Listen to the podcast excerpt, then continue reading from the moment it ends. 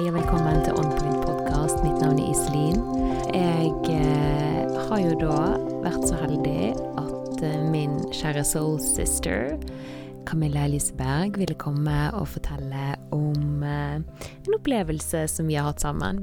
Ja, meg og Camilla vi deltok da i 2018 på et eh, retreat kalt Sacred Voyage. Dette var et uh, retreat der vi dykket dypt inn i oss sjøl med um, sharing, med heartdance. Jeg har jo hatt en episode med det òg, faktisk. Og breathwork, som jeg òg har snakket om her på podkasten. Ja, vi uh, har deltatt på en seremoni der vi òg har tatt en plantemedisin. Og det er alle utrolig ja, kraftige verktøy. Veldig potente verktøy for healing. Det er jo et litt kontroversielt tema, dette her med eh, plantemedisin, nærmere bestemt ayahuasca. Ja, jeg bruker jo betegnelsen plant medicine på engelsk. Plantemedisin eller hallusinogene stoffer kaller man det gjerne. Ayahuasca det inneholder det psykoaktive stoffet DMT som gir en sterk hallusinerende effekt, og skal da gi spirituelle opplevelser. Um, ja, det, det kan jo jeg skrive under på. um, altså denne plantemedisinen har jo blitt brukt av urfolk i Sør-Amerika i flere tusen år. Dette er overhodet ikke noe, um, noe man tar for å trippe eller flykte fra, fra virkeligheten, da, sånn som man, mange gjør med andre ja, rusmidler. Um, ayahuasca det tar deg til selve roten da, av, av, dine problemer, og det er ekstremt ubehagelig. Og det er jo da, som jeg sier her, absolutt ingen quick fix. Det er mer det at du, fordi at du er in it, så kan ikke du rømme. Gjøre dine vanlige rømningsveier. Du må virkelig face dine issues head on. Um, ja, det kan gjøre deg oppmerksom på ting som du så da må jobbe videre med. Det kan gi deg innsikter òg, i tiden som kommer etterpå.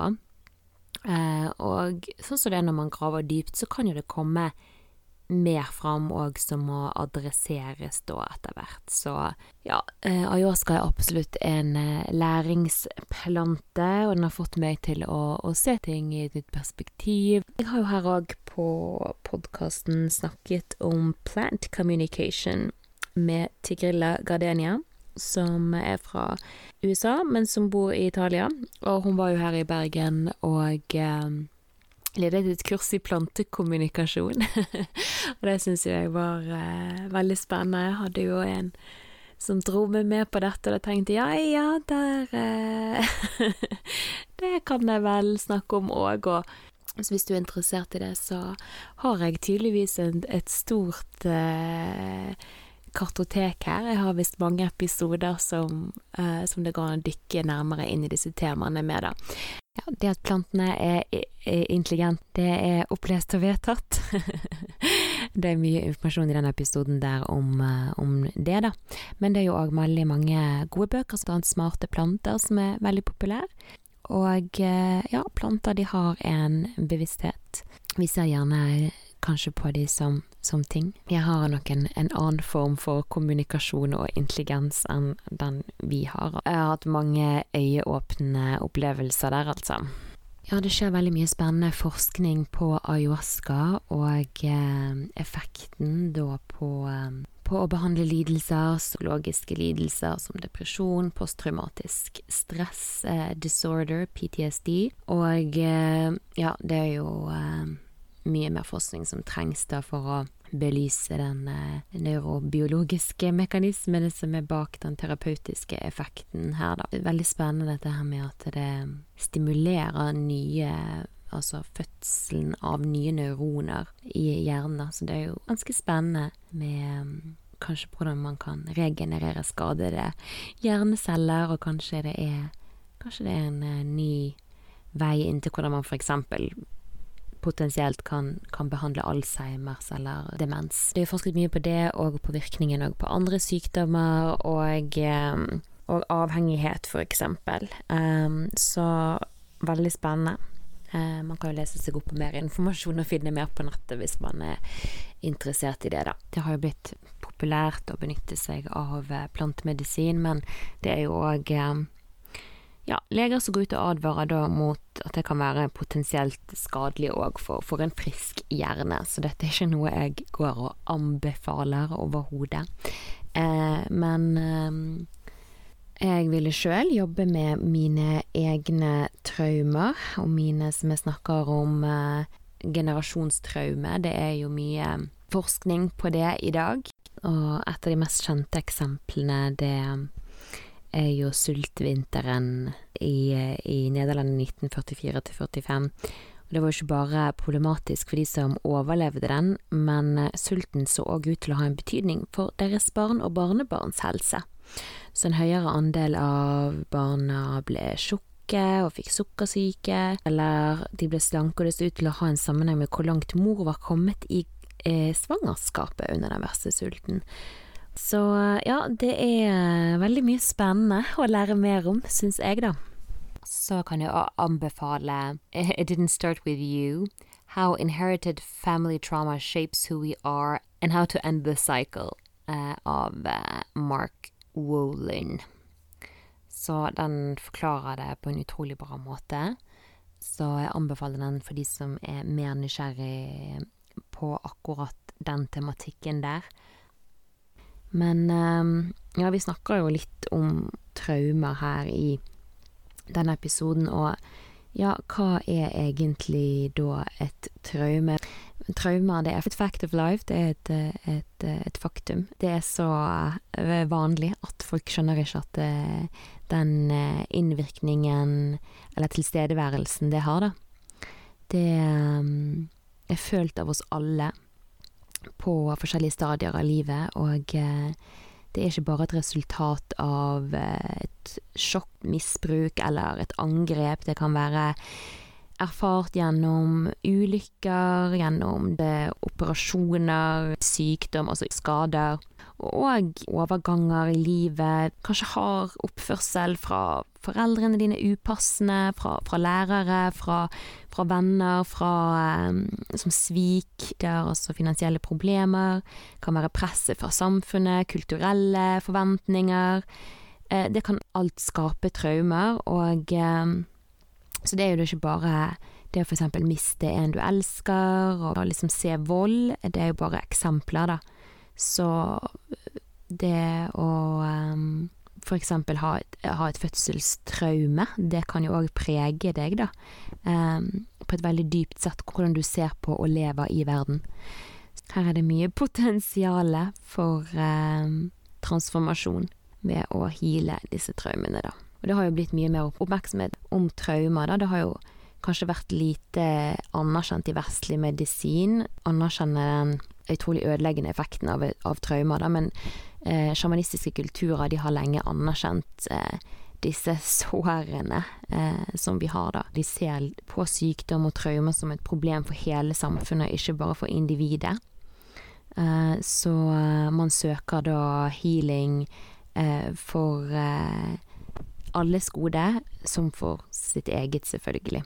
Så vi har jo kanskje mange av oss suppress, hva det heter, vi, eh, vi døyver ned alle symptomene i stedet for å eh, Eller kanskje bare fornekter de disse vonde følelsene, da. Så det kan jo da uh, utarte seg i angst, depresjon, tristhet, dissosiasjon, frykt, panikk og andre psykosomatiske problemer, da disse symptomene det er jo et tegn på det at man Det er uforløst eh, overskuddsenergi som trenger å bli adressert og renset ut. Men traume, det er jo virker som en shitty gift, men det er en eh, stor potensial da, til å komme tilbake til eh, flyt, harmoni, kjærlighet og compassion, medfølelse. Så um, for å forløse disse her, så trenger vi hjelp av veldig erfarne og eh, gode behandlere. Så heldigvis så er det òg her i den vestlige verden blitt mye mer fokus på, på traumearbeid og healing. Um, så her kan man utforske selv, se hva som funker for en. Det å være med i en uh, seremoni med plantemedisin, det er et ganske drastisk tiltak. Ja, da vil jeg bare da òg si at um, det var overhodet ingen lett overveid avgjørelse for meg å dra på dette retreatet. Det var noe jeg hadde tenkt på når jeg dro allerede i to år. Jeg må jo si at jeg er ikke så veldig tiltrukket av uh, å uh, jobbe med uh, hallusinogene stoffer i det hele tatt. og spesielt ikke etter jeg har vært på dette heller. Alle har forskjellige opplevelser, og jeg hadde en ekstremt sjelsettende opplevelse. Åpnet veldig mye i min bevissthet. Jeg ble var på veldig mye. Ja, når man deler dette her òg, så er det litt litt sårbart, og det, det satte i gang veldig, veldig mange prosesser. Healing-kriser. Um, så det er ikke sånn at ayahuasca har fikset det, men det har fått meg til å se på ting. Det har tatt tid. Um, og ja Kanskje jeg vil snakke mer om uh, om hva jeg har lært, og dele mer i framtiden. Who knows? Det får vi se. Ja, meg og Camilla vi eh, har jo da god stemning. Vi er lattermilde personer, og vi er veldig gode på, på, å snakke, da, begge to. Så eh, Men jeg vil i alle fall ta en liten introduksjon først, bare for å forsikre meg at denne tematikken kommer eh, fram på en og balansert måte. Jeg håper at denne samtalen kan gi noen nye innsikter, og eh, da får jeg bare si at jeg spilte jo inn eh, denne episoden her i Oslo, så ja, jeg er jo på tur, og da har jeg eh, litt lav lyd på min mikrofon, så beklager det, men så vi får leve med det. budskapet kommer vel fram. Ja, velkommen, Camilla. Tusen takk. Gud, ja, vi må fortelle litt uh, om uh, backstoryen vår. da. Mm. Men jeg satt jo uh, her for et par dager siden på babyshoweren din og telte. Ja. At vi ble jo kjent for 16 år siden ja, i Bergen. Tenk det! Herregud. Da tenkte jeg bare sånn Damn, we're old. Men vi er ikke så Vi er unge. Vi er unge. ja, vi opererer ikke med sånn. Sånne tidslinjer. Nei. Men uh, da uh, studerte vi dans på Bårda første mm. året. Og uh, det var jo en spesiell tid. Veldig. Da var vi ung og Du var 18, og jeg ja. var 20. Ja. ja. Og så, ja, flyttet jo vi begge til Oslo. Mm. Og du studerte musikk. Ja, jeg vet ikke om du vil fortelle mer om hva du har gjort siden da, men jeg stakk nå iallfall til Italia, da. Ja. Nei, hva jeg gjorde etterpå Jeg var nå i England en stund, og så kom jeg tilbake. Så begynte jeg å jobbe i mediebransjen. Uh, så har jeg nå blitt i Oslo. Ja. Jobbe. Driver et uh, firma sammen med ei venninne. Som uh, er et kreativt byrå, da. Så jeg driver med kommunikasjon. og jobber da med bærekraftige prosjekter, prosjekter som driver til positiv endring. Så det, eh, vi heter Awake, og det ble starta for ett og et halvt år siden. Så det er liksom Ja, føler jo har eh, skapt drømmejobben ja. sjøl, så det er jo veldig spennende. Det er så, så det er kult. egentlig status quo på, på det mm. området. Fra border til CEO i egen bærekraftig bedrift, liksom. Yes. Kontraster. Who knew? Who knew? Hva er det de sier? From the mud. The mud to, to, be the lotus. Yes. Jeg, jeg slakter alltid disse quotes når jeg sitter her. Liksom. Men akkurat den er jo sann, da. For deg. Ja. Nei, men uh, ja. Så ja. Ja, så kom jo du da og besøkte meg når jeg var i Italia. Ja, og det er jo sju år siden. Ja. Og da hadde vi liksom vært på hver vår path. Mm. Og så plukket du nå litt opp på at vi var nå litt på nett mm. på mye. Litt sånn alternative greier. Mm.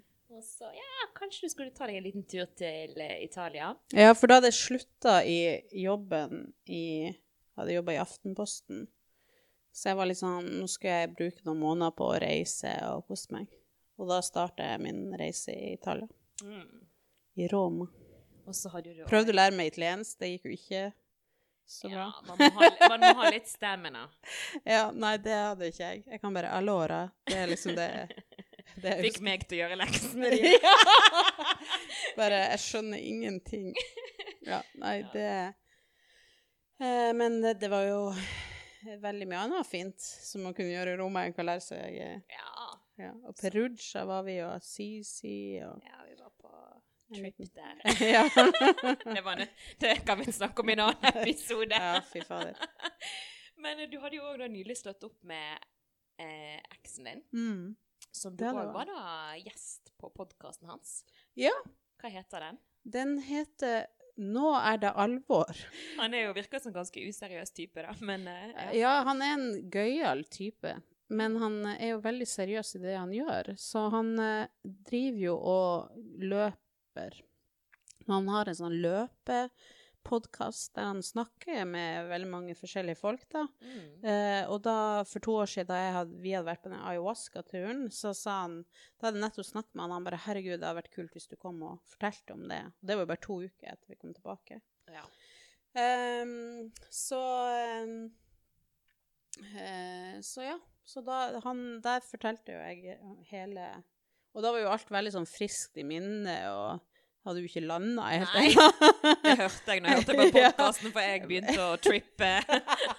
du, ja, du fikk sånn eh, Ja, trigger. trigga. Ja, ble litt trigget. Ja. Nei um, eh, Så Ja, så det har jeg jo snakket Jeg har jo vært på en podkastepisode før. Mm. Jo, og så eh, faktisk eh, så var jeg en gang til, fordi at um, Og da snakka vi litt om tankenes kraft og tankemønstre og universitet, og det hadde også kommet noen spørsmål fra de lytterne om, om den ayahuascaen. Mm. Så hadde vi sånn oppfølgings...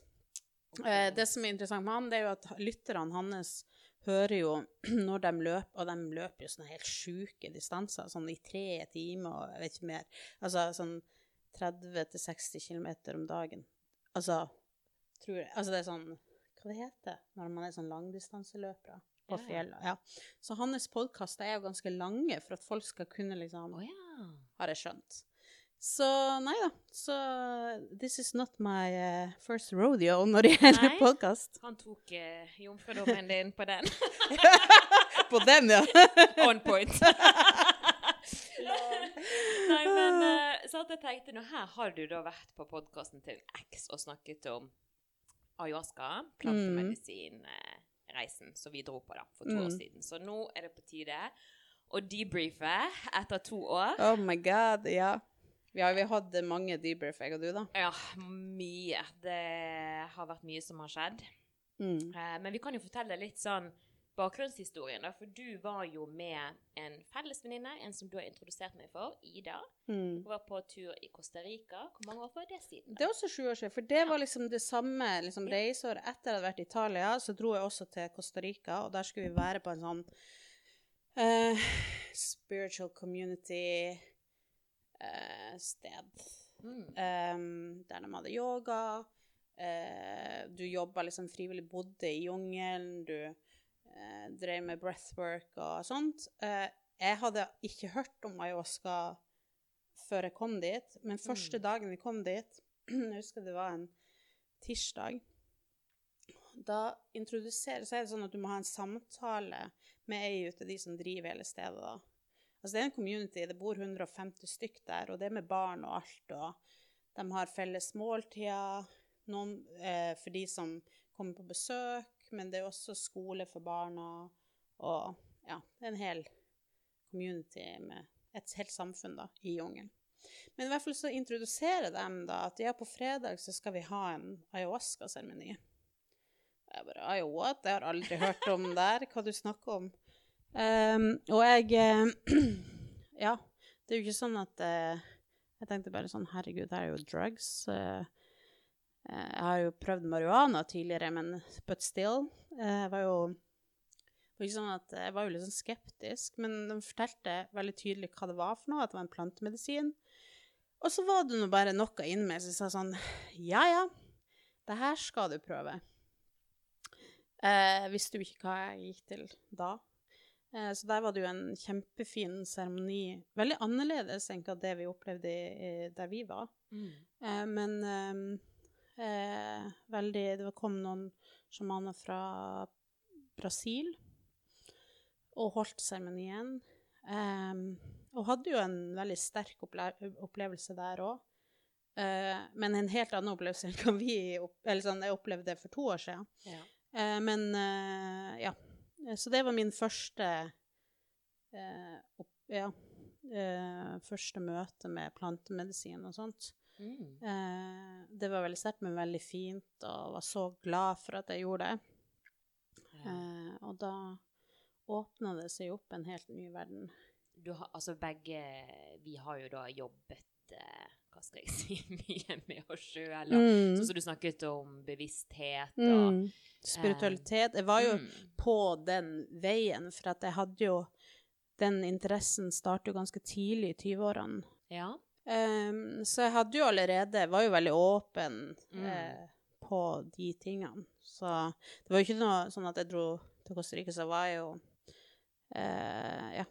Det var- ikke fremmed sånn sett. Men det som endra seg kanskje etter det, var jo at eh, jeg fikk øynene opp for hva plantemedisin er, og eh, Ja, det skjer jo noe for Hva hver det gang. kan gjøre. Jeg hva Mm. kan gjøre, og hvor sterkt det er. Og nå syns jeg jo det er så spennende, så jeg har jo en drøm om å lære mer og dra til Peru og lære eh, Nå er det ikke så mange så Jeg vet at det er noen hvite folk som har sjamaner der òg, men eh, det, man skal jo ha stor respekt for planten og Ja.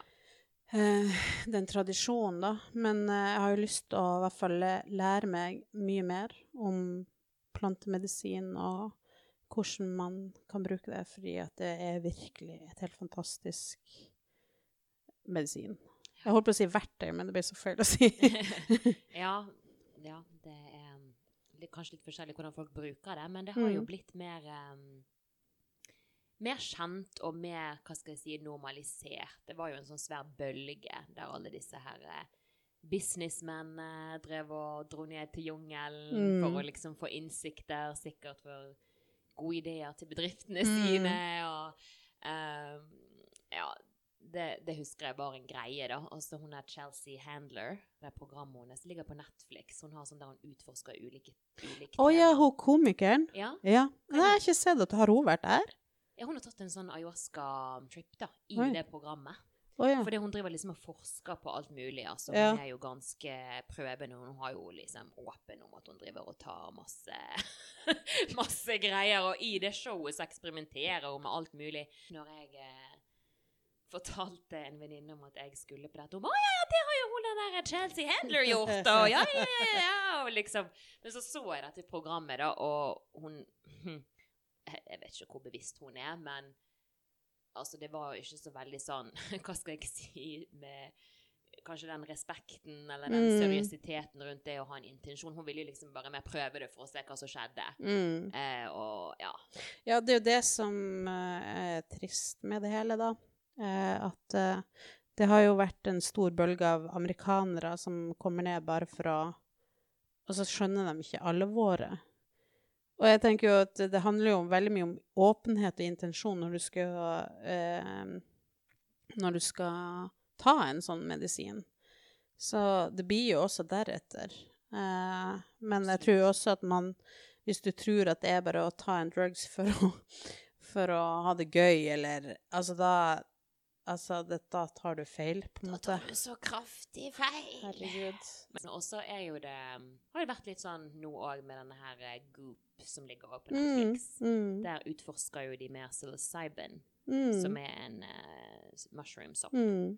Som er litt veldig mye mildere, for, for ayahuasca er jo da Kanskje den uh, Ja, det er den sterkeste, har jeg skjønt. Altså, Mm. sjamanene i Peru bruker jo det, Det er en medisinen til å få beskjed om hva andre planter man kan tilby de som er Altså, sjamanene får vite hvilke planter du trenger for å bli frisk, eller for å hile noe, da. Og det får man gjerne beskjed om i, av ayahuascaen, da, på en måte. mm. Eh, så det er jo en altså, Som jeg forstår det. Jeg har jo også prøvd eh, peyote. Mm. som er fra Det var sånn Det er jo fra Mexico, da. Eh, sånn kaktusplante. Den sier sies jo å være en maskulin energi, mens ayahuascaen er jo feminin energi, da.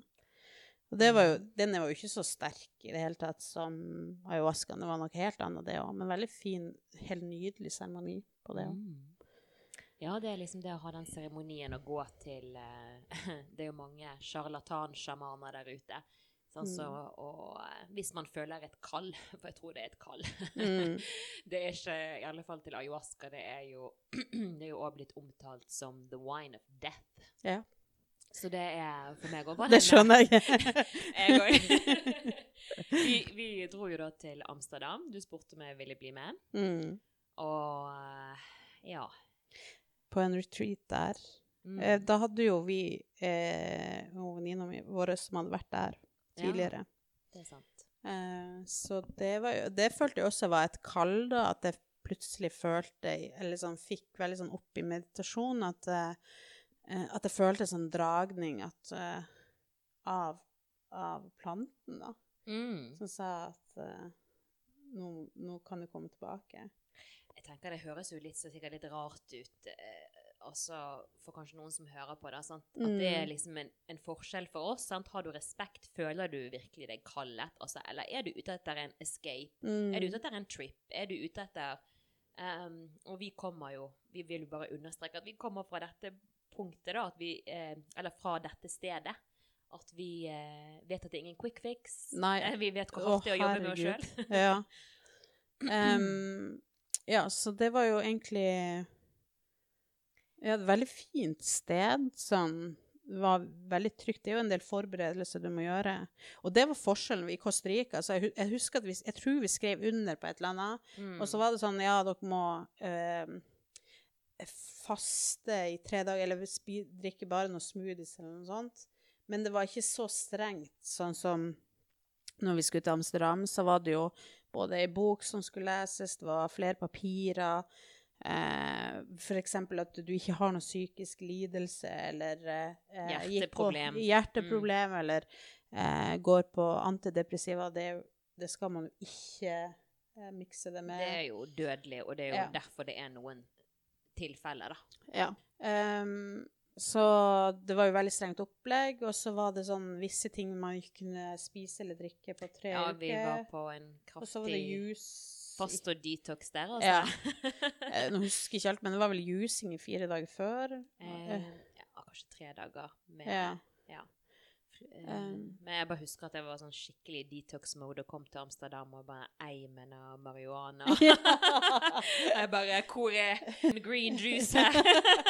Stemmer, ja. herregud. Men uh, til historien så hører det med at eh, ja, jeg har jo bodd i Oslo tidligere, men så eh, connected vi jo igjen, eller du startet da en liten sånn on point sisterhood circle Mm. når jeg var her i 2016. Mm. Så da har vi jobbet, altså eh, Jobbet med mye greier. Mm.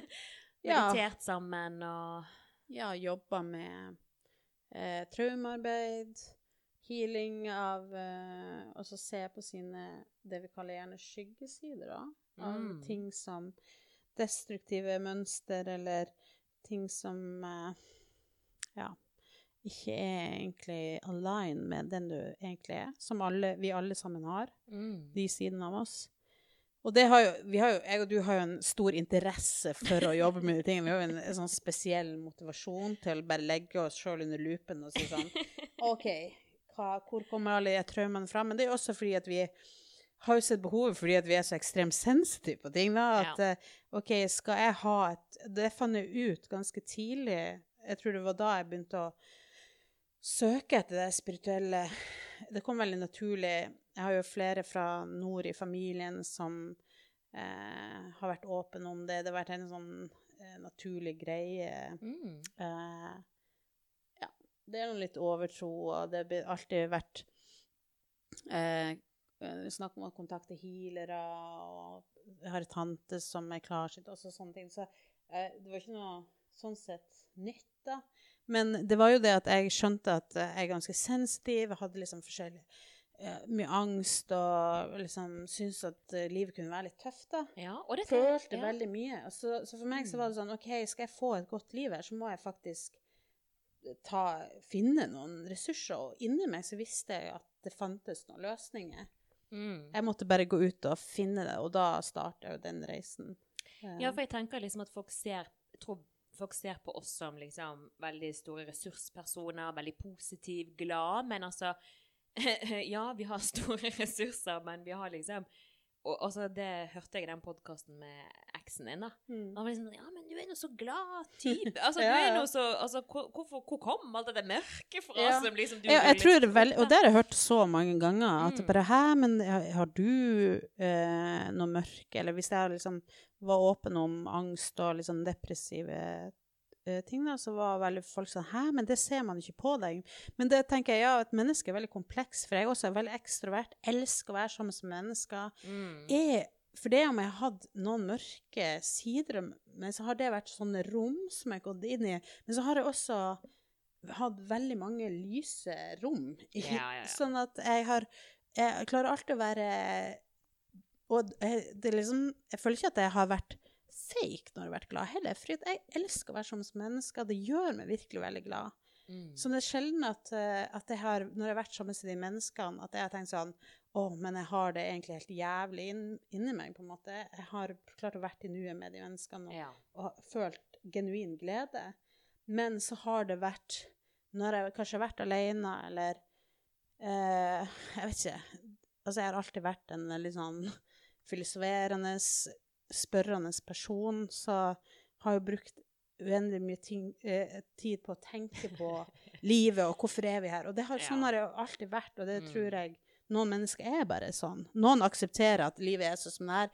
Jeg har vært en sånn person som har satt spørsmålstegn med absolutt alt. da. Jeg kjenner meg Så- igjen i akkurat det. Vi er så sykt like på alt dette her. Og um, ja, det er jo det som er så deilig for meg med å være med deg. For jeg bare føler meg så forstått. Jeg slipper å bruke så mye energi på å forklare meg, Mm. og liksom Ja, vi er noe. Altså, vi er så sensitive og empaths, seers, feelers, jeg håper å si. Det vil komme i ett. Og noen and blir jo også veldig trigga når man sier det. At eh, noen bare sånn 'Å, for et tåpelig uttrykk å bruke', syns jeg. Så jeg bare ja. Men eh, bruk en dag i min kropp, så skal du få se hvordan, hvordan det er. Ehm, Jeg tror jeg skal lage faktisk en egen episode på akkurat det med høysensitivitet, for jeg kjenner liksom at øh, ok, det der begrepet er noe litt sånn svevende. ja, at det kan Det er Mm. jo er kanskje brukt i fjasete ting også, men, Ja. men uh, ja. Uh, sånn er det nå bare. Uh, Ja, altså vi har jo jeg skulle bare Det lager jo en eh, god sånn backdrop da, til liksom at vi har jobbet mye med oss sjøl. Og i de meditasjonene og sånt, i de Mm. samlingene som vi var på, så fikk jeg liksom Jeg fikk se eh, altså Det er jo ikke eh, mange som drar kanskje på en sånn trip, da, fordi de har lyst til å se ting. nei. Men eh, OK, jeg, ja, det er vil kanskje heller se litt mindre ting. Ja. Eh, så, men der fikk jeg iallfall opp mye som Når du spurte meg om jeg skulle være med, ja, det skal jeg. Fordi Mm. at jeg har sett at her er det noe som jeg må jobbe med. Mm. Det er noe som jeg har i mitt DNA. Sant? Vi snak, det er mye snakk nå om kanskje Eller mye snakk, det kommer an på hvilke sirkler man er i. Men Epigenetics og sånne ting. ja, eller liksom hva, ja, hva man har nedarvet Mm. i DNA-et sitt, Mm. sant? og um, at vi bærer på så masse som kanskje ikke er vårt engang. Mm. Uh, og det er jo mer og mer forskning og bevis på det, da. Så Absolutt. Det og det opplevde jo jeg i den første ayahuascaen ayahuascaen min.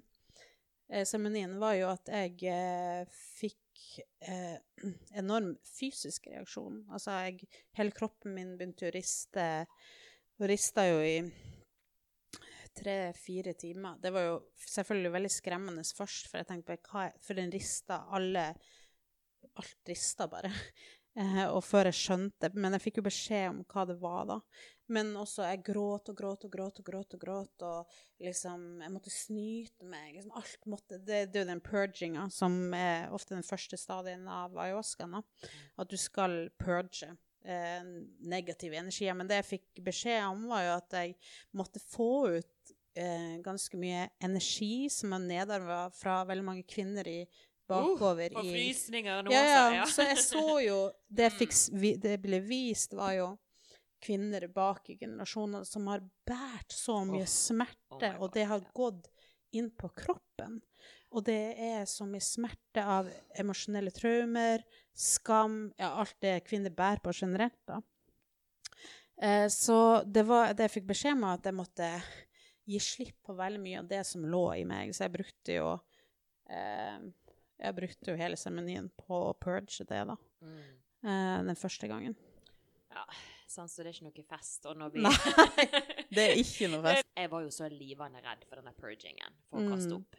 Det var jo litt sånn at disse damene tok oss imot, da. Så var det Mm. sånn Oh, welcome. Bare liksom, At de hadde så respekt for at vi var så utrolig modige. Mm. Og det skjønte jeg liksom ikke helt dimensjoner før jeg dro ut ifra det der stedet. Oh. Men vi var jo da sånn vi hadde detoxet, vi hadde eh, forberedt oss. Jeg hadde vel, lest meg opp veldig mye på temaet på forhånd og laget meg liksom en intensjon som jeg syntes var så tøff at jeg fikk jo helt angstanfall liksom, for at jeg skulle ta på meg den oppgaven. Men vi hadde jo òg eh, Det var tre dager vi var der. Vi hadde kun én seremoni. Mange Mm. de er kanskje i jungelen og tar fem, mm. elleve, I don't know. Den ene var mer enn nok. Eh, men, vi, Oh yes. men vi hadde jo litt sånn Vi hadde breathwork, og vi hadde Ja, det var dagen dance. før. Mm. For da skulle vi forberede Så vi kom fredagskveld, og så lørdagen som var sånn forberedning. ja, litt sånn bli kjent, sharing på hvorfor vi Mm. var der. Heartdance. Ja, altså, jeg syns jo den heartdance Det var jo til og med det jeg syns jeg var litt sånn kleint, da. Ja, Det kjenner jeg for nordmenn. Altså, det var liksom For vi var sju stykker til sammen, var det Det var en veldig liten gruppe. Ja, som oftest brukte de å ha sånn 30 der. Men, eh, Og da skulle vi liksom danse med fremmede og se hverandre i øynene og sånt. Og jeg bare Å, herregud. Det er så ukomfortabelt for oss nordmenn. Men, jeg eh, syns ikke det er så ukomfortabelt. Nei, du er jo mer van, vant til sånne ting. Men jeg, det kjente jeg på at jeg var sånn huh, men, men da måtte jeg bare tenke sånn Ja, ja.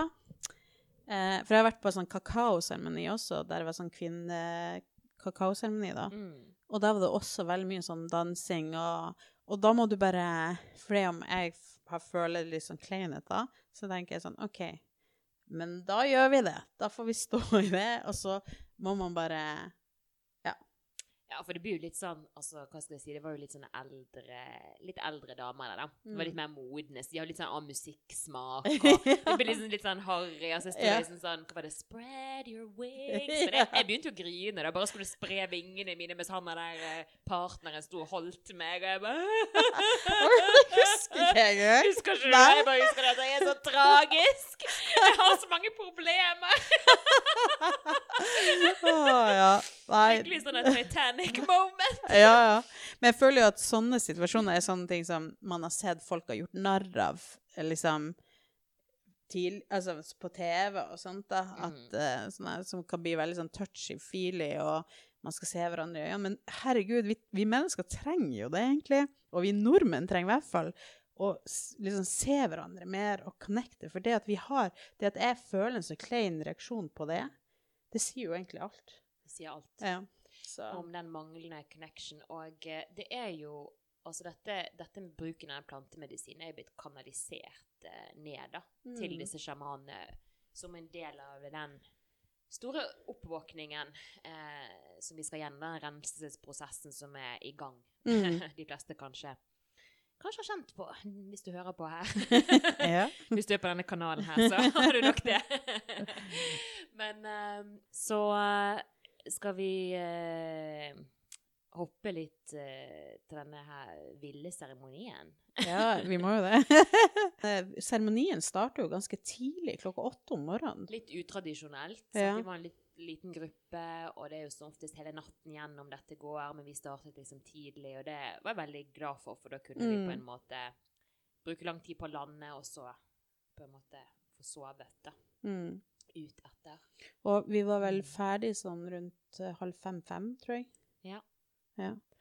Det vi kan si, er jo at før, dagen før så satt vi i en sånn sirkel, og da skulle vi liksom eh, eh, sette, snakke om intensjonen som vi hadde, og så skulle vi trekke et kort. Sånn, hun hadde sånn eh, Orakelkort. orakelkort Mm. med forskjellige dyr på, med en, en, en, eh, en beskjed, da. Mm. Og foran meg så lå det et kort med en sånn eh, morfosommerfugl. Mm. som har vært på en måte Som jeg alltid har vært glad i, som jeg har liksom sett litt på som et mitt tegn, da. Etter jeg leste boka 'Mengele Zoo', som Ja, er Ja, hvis den som leste, skjønner hva eh, sammenhengen. Men eh, i hvert fall så, så plukker jeg opp den, det kortet. Mm. Eh, og da hadde jo jeg liksom Intensjonen min Jeg var litt sånn usikker på hva det var, men jeg tror det handla veldig mye om det å uh, være jorda og liksom være integrert i den kroppen, da. Ja. Uh, og så står det på kortet 'Rebirth. Life after death'. Står, var liksom hovedbeskjeden. Og, jeg bare, og da hadde jeg vært sånn Jeg hadde, husker at i uken før så hadde jeg vært sånn, hadde litt sånn angst for at jeg skulle dø. På en Ja. måte. Eh, så det Og hun sa at det kommer til å gi dere en pekepinne på Mm. morgendagens eh, eh, seremoni. Og jeg bare nei! jeg var sånn Å, for jeg hadde så For det om jeg ville gjøre det, så husker jeg jo at det kunne være litt intenst eh, så forrige gang, så jeg var litt sånn Altså, man skal være nervøs når man går inn i det der. Fy fader. Eh, men eh, jeg husker jeg var sånn åh, shit. Shit, ja. Jeg hadde jo det angstanfallet. Mm. Eh, eh, jeg trodde jeg bare skulle dø, og altså måtte liksom bli trøstet av hun ene. ja, det her var kvelden før. Det var kvelden ja. før, og det var jo litt morsomt, for det var jo morsomt, det var jo flere sånne facilitators, sånn Mm. hoved, som hadde liksom en slags sjamanrolle der, som har jobbet med Og så var det tre hjelpere. To, Ja. Tre. To hjelpere. bare. to hjelpere. Og så sjamanen var jo også Ja. hjelper, da, på en Ja. måte. Nei, så dette, da kjente jeg liksom at jeg så han der ene mannen, da. Ja. Han var bare en mann som var hjelper, og jeg bare Nei, liksom. Hvor er hun den der eh, søte, snille damen? Kom Ja. og trøst meg her. Så var det liksom litt ironisk at det var jo han, han mannen jeg trengte gjennom hele seremonien. ja, fy fader. Eh, og det, dette kommer til å sette seg intensjon, og så kan planten, plantemedisinen, den kan jo enten høre på dette her, eller ta deg inn på en annen vei. Ja, Ja. fordi den gir deg jo på en måte det du trenger. Mm. Eh, så du har jo liksom egentlig ikke noe valg. Nei. Det begynte jo med at vi, vi kom inn i det rommet, og så var det en madra... Nei, en eh, En ja, Madrass? Ja. Mm. Det var det en pute, og så var det en spybøtte og papir ved siden av. Ja, det det sier mye. Veldig fint alter i midten òg. Ja. ja, det var det. Det var et veldig fint alter i midten. Og da begynte vi vel Hun liksom starta vel eh, seremonien. Ja. Åpnet liksom eh, rommet og ja eh, Serverte plantemedisin og guidet oss inn i en sånn chakrameditasjon. Mm. Og da hadde jeg husker jeg satt Ja. med den koppen uh, med i handa, så tenkte jeg fy fader, skal jeg gjøre det her igjen? Og så ser jeg på deg og uh, søstera mi som Ja. er med, som bare tar opp glasset og chugger ned, for dere har jo ikke gjort det før, så dere Jeg tenkte sånn Å, herregud. Og da tenkte jeg sånn Ja, ja, da er det bare å kjøre på, da. Så under den chakramedisjonen, den varte vel i en eh, time, Ja. tror jeg. Da var jo Eller først i begynnelsen, så husker jeg at eh, når det var de tre eh, nederste chakraene, så var det litt sånn ubehag, og jeg kjente at jeg måtte riste litt i kroppen igjen, og det var ting som skulle forløses. Mm. Men med en gang det kom opp til hjertesjakra og halssjakra, så begynte jeg bare Å, herregud, det her var jo bare helt fantastisk, og sånt. Så jeg tenkte sånn Ja, hvis det skal være sånn her Nå, nå er det vel nå, nå føler jeg at jeg er litt done, da. Tenkte jeg liksom prøvde å feige litt ut sånn Ja. At jeg tenkte sånn OK, men det her, er, det her er det som jeg er mest komfortabel med. Men øh, ja, lite visste jeg. Lite visste du, men det er liksom Jeg syns det er litt artig, for jeg kjente jo på den angsten. Jeg visste på en måte hva jeg var inn for, for jeg følte det på meg. Og, og, og så er jeg liksom OK, nå har jeg bestemt meg for dette her. For jeg tenkte jeg kan alltids feige ut, jeg kan være med på denne breathworken og alt det der. Mm. Og så hvis jeg følte det ikke riktig, så går jeg med meg. Men nå var jeg kommet så langt, nå var jeg der. Så jeg, og så er det mye snakk om at det smaker jo så drit der, men jeg oh. syns jo det var jo egentlig ganske OK. Jeg, Ja, der- du drakk det bare. Det smaker jo helt forferdelig. Det smaker Det er liksom Jeg syns det smakte sånn Du vet når ølbokser har ligget på et sånt bord fra en fest dagen etterpå, og så er det litt sånn Lukter sånn snus og sigarett og gammelt øl. Sånn smakte det, liksom. Men jeg sa jo du bare mm. Det, altså, jeg hadde forberedt meg på at det skulle være så jævlig, så det jeg tenkte "Mm, dette var jo faktisk litt godt. Ja. Tenkte jeg, altså, det var jo ikke litt så forferdelig som folk eh, snakket om, da. Oh, uh. Men eh, ja, men jeg, eh, du eh, under den chakrameditasjonen da, så var tenkte jeg, ja, ja, er nå det bare sånn som dette her, sånn har jo jeg det på vanlig chakrameditasjon, Mm. sant? Eller hva jeg ser der da, men så, og du sa, altså vi har jo sånn Ikaros, det må vi snakke litt Ja, om, at det er ja. disse sangene som blir spilt da, Mm. gjennom De seremonien. guider det jo. Mm. Og ja, jeg husker jo jeg begynte å synge, og da fikk jeg se sånne visions fra uh, Ja, veldig gammelt av. Altså fra liksom Det var nesten sånn jeg følte at det var jordas start, på en måte. Mm. Og der det ble sunget de her sangene som skulle sette en intensjon for, for jorda. Ja, det var veldig spesielt. Så det er veldig vanskelig å forklare alt som skjer, men ja. Men du sang i hvert fall så vanvittig nydelig. Eh, men så kjente jeg veldig på min egen motstand. Jeg begynte liksom å se at alle andre slappet av og hadde det fint, og hvorfor har ikke jeg det sånn? Mm. og så skjønte jeg at OK, jeg trenger mer. Ja. Altså, jeg har så mye motstand, liksom, så vi Mm. fikk jo tilbud om mer. Ja, for det kanskje. fikk vi rett etterpå, jo ikke det? Det, det, tok jo, det tok en time før vi fikk tilbud om ny servering. Ja, ja. Det var etter den meditasjonen. Mm. Ja, så da tenkte jeg bare OK, folk her eh, er dratt av gårde, mens jeg sitter her og Hun og hun andre chugga jo en til. Ja. Men kom, så kom hun bort til meg, og så sa hun Vil du ha en til? Og så tenkte jeg, Men da begynte jeg å kjenne Du vet når man sier at man blir full av drikken? Mm. At jeg bare OK, nå, er det, nå begynner det å skje litt greier her. Så sier jeg ja, jeg kan ta et halvt glass. Og så sa jeg bare sett deg der, jeg skal bare legge meg litt ned. ja. Og da skjedde jo alt. Men ja. Jeg vet ikke hvem som eh, Skal vi liksom fortelle litt av hver vår For hva Ja. som skjedde etter du tok eh, glass nummer to? Ja, altså, vet du, jeg har skrevet mye om hva som har skjedd etterpå. Jeg har ikke sett på de notatene på en stund, for å si det sånn. Og disse, disse minnene var jo veldig hva skal jeg si eh, aktiv i min bevissthet i ganske lang tid etterpå. Jeg er Mm. veldig glad, for nå føler jeg at det rommet er lukket, og jeg kan Mm. liksom se tilbake på det uten å føle de intense følelsene. Men vi hadde jo ganske likt der i starten, da, for begge oss eh, Det var jo kanskje en feil av de at de ikke hadde tatt vekk klokken. Ja, de hadde ikke tatt bort klokka på veggen, ja. Ja, for vi Mm. begge lå stirret på den. Men var det da? For det følte jeg var litt seinere. Å ja, nei, for min del var det, følte Å jeg at det var litt i starten. Men også, når vi snakker om denne seremonien, så er jo liksom tid og sted og hva som kom før, det vet vi egentlig ikke helt. Men for meg så følte jeg at eh, det begynte etter der. At jeg satt og så på klokken, og klokken var liksom det samme. Og jeg lukket øynene og åpnet øynene, og klokken var alltid det samme. Og jeg bare Å, herregud! Hvor lenge skal dette vare? Det var liksom Ja. Ja. Uh, ja. Nei, det, det var så mye greier der at jeg vet ikke hvor jeg skal begynne. Altså, jeg har jo det er noe som heter journey envy, at man under seremonien kan se at noen er på en eller annen trip som kanskje ser litt sånn spennende ut da. Eller at man kan høre om en trip etterpå, så bare, åh, fy fader, det hørtes jo eh, Altså, man har jo forskjellige frykter, og det som er med ayahuasca, er jo at du får Du blir face dine verste frykter og dine skyggesider og traumer. Altså, du står rett foran, og de eh, viser seg jo i alt mulig slags former, da. Sånn at eh, eh, det kan være helt jævlig.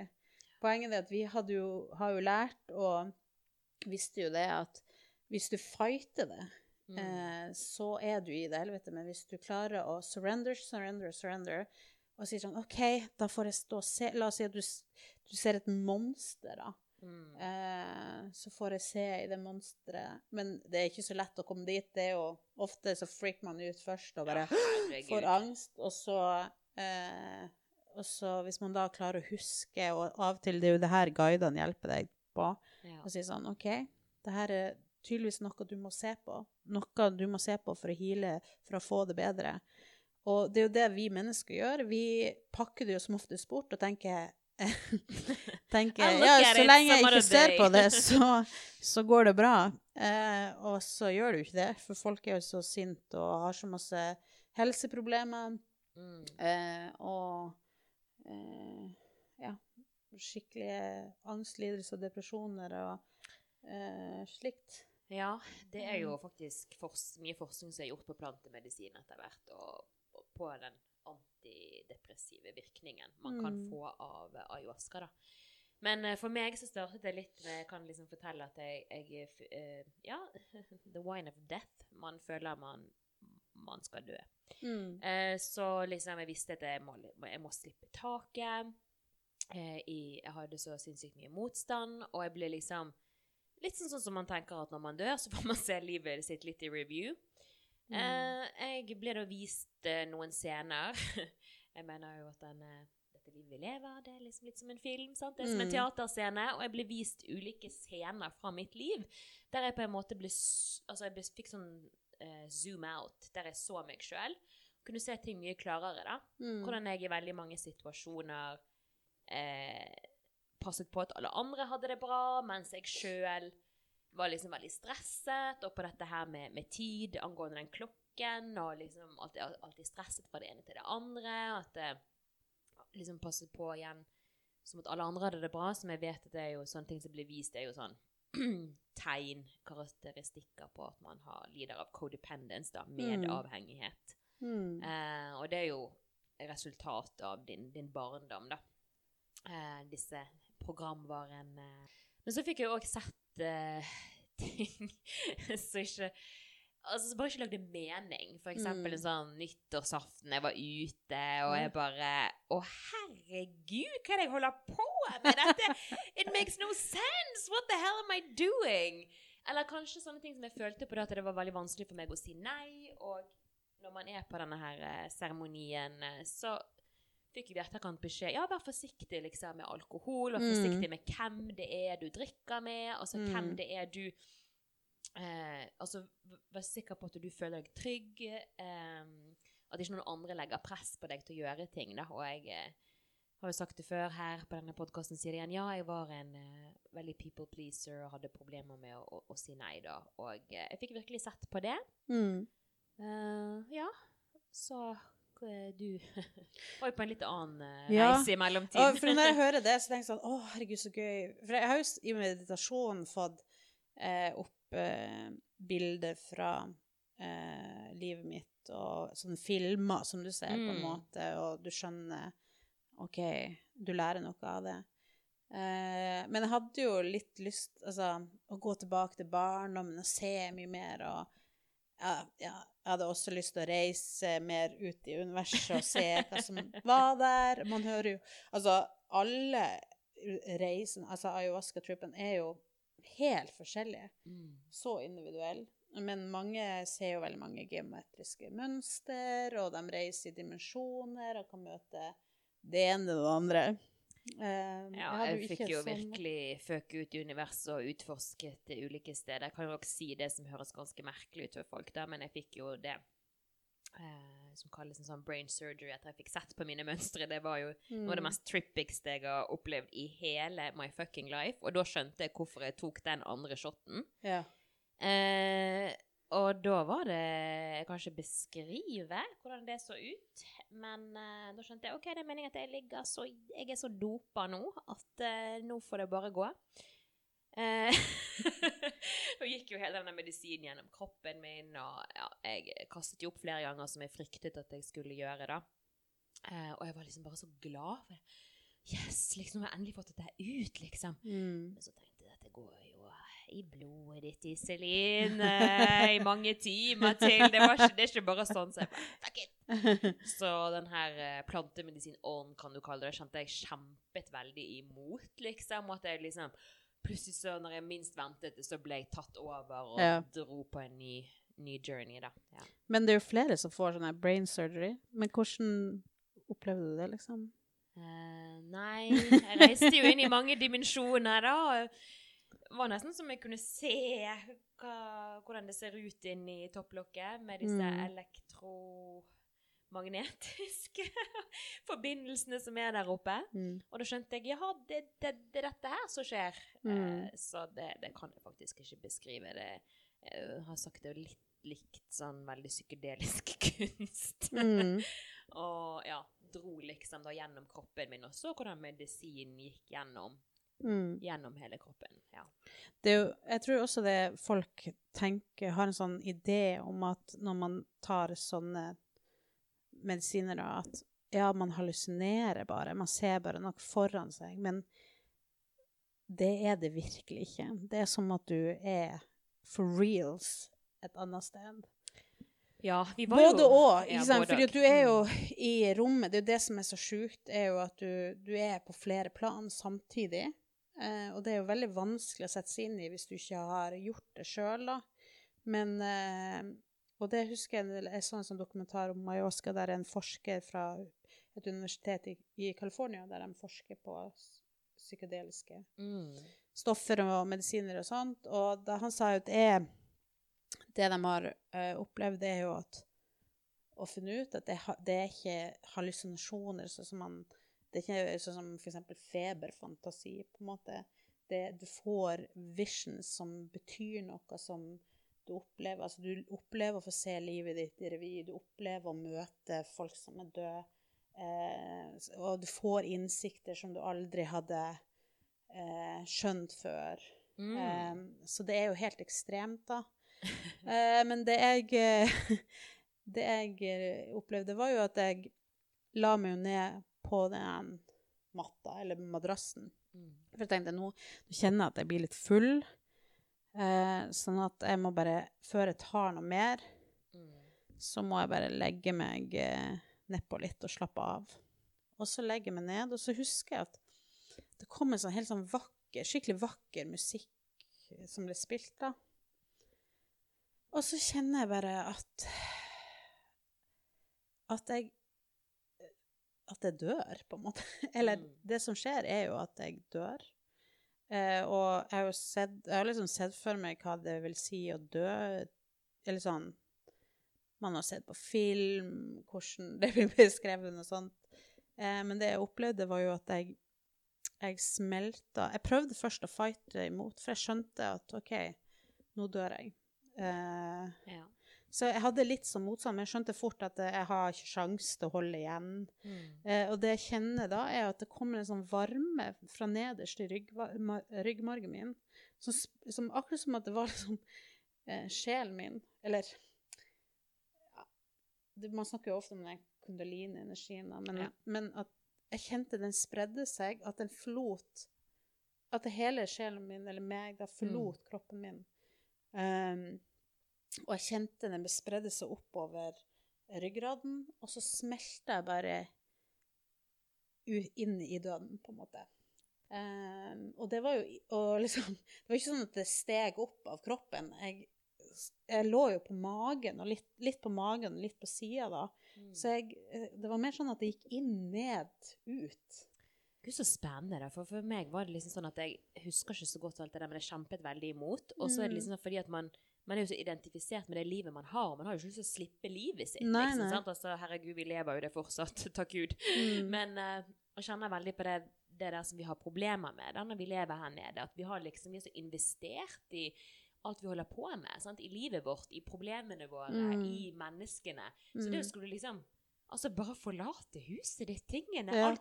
Men det var liksom som om jeg bare Ja, til slutt, når jeg klarte å liksom slippe, så var det sånn Å ja, ja, men hvorfor kjempet jeg så Ja, mye imot? Og jeg kjente at jeg prøvde å holde igjen, men jeg skjønte veldig fort at, at Og det skjedde jo noe Det var jo en person i livet mitt som kom eh, Jeg vil ikke gå inn i så mye Nei, nei. detaljer, da.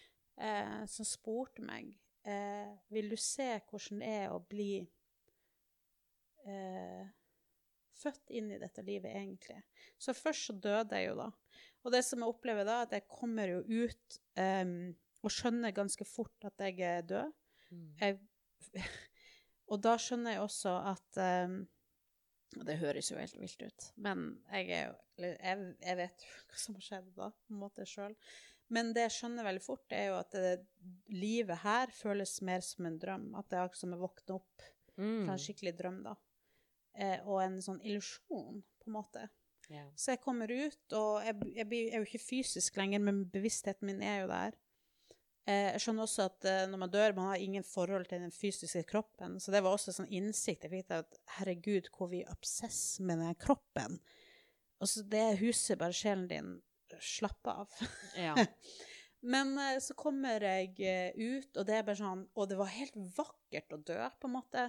Det var, det var, ikke, noe, det var ikke noe vondt. Det var, ikke noe, det var bare sånn fantastisk musikk. Det var farger og lys og det var en sånn trommel med masse Altså, jeg klarer ikke å beskrive det engang. Nei, nei, nei. Det var helt sånn euforisk. Og jeg bare Herregud, hvor vakkert det er. Og så, og så kommer neste tanke, at jeg bare Hæ? Jeg altså, det var ikke sånn at jeg brått Jo, jeg ble, ble jo litt lei meg, på en måte. Eller sjokket var veldig stort, da. For jeg sier sånn For da kommer den eh, energien som er Mother Aya, som også er der. Så hun sier sånn Ja, det her er liksom starten på døden, da.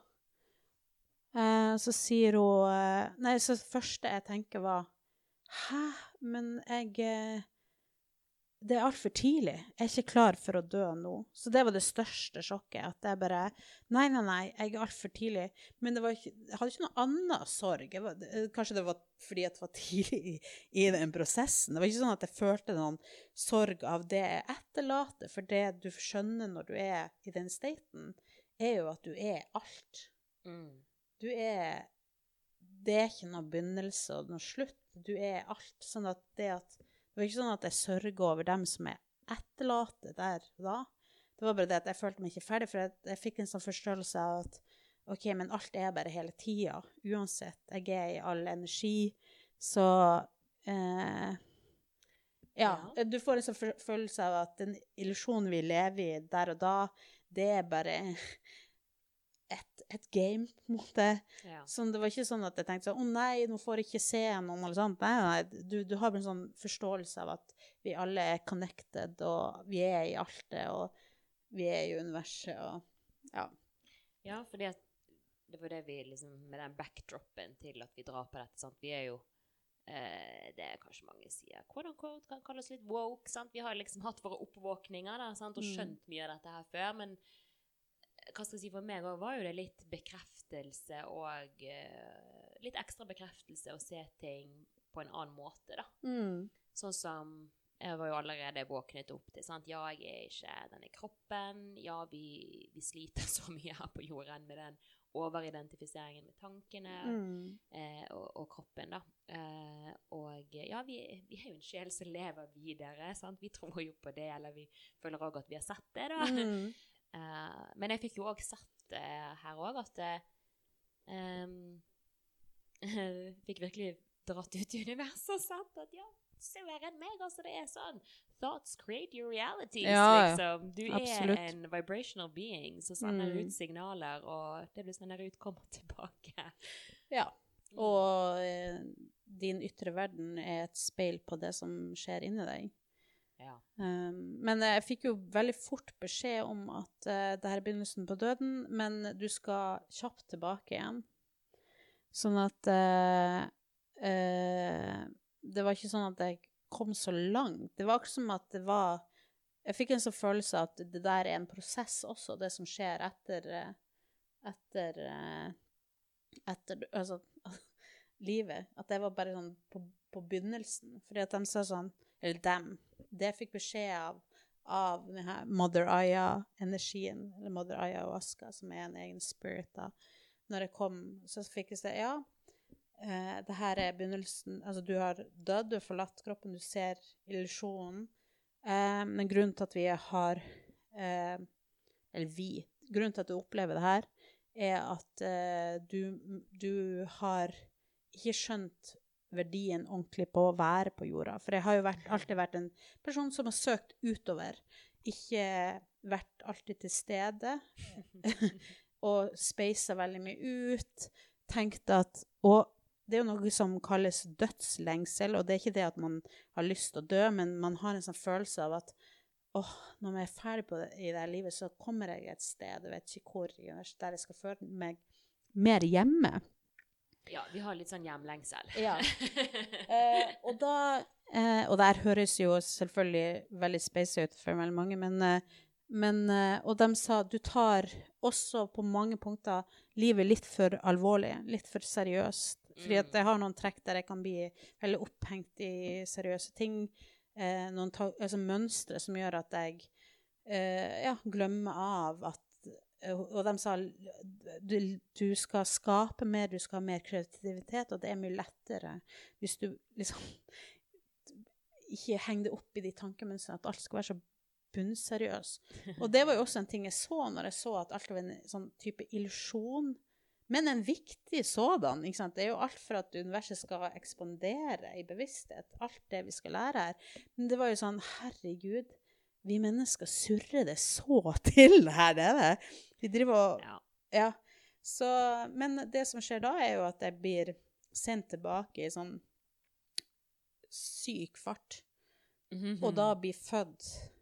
Det var ikke sånn at jeg gikk gjennom noe eh, eh, fødselskanal eller noe, men jeg, det, jeg blir sendt tilbake, og plutselig er jeg i det rommet i en babykropp, nyfødt babykropp. Ja, og dette fikk jo jeg satt, da, for jeg var jo liksom litt inn og ut av det. Så du lå nå der jeg tenkte Camilla har det fint, hun bare tripper med den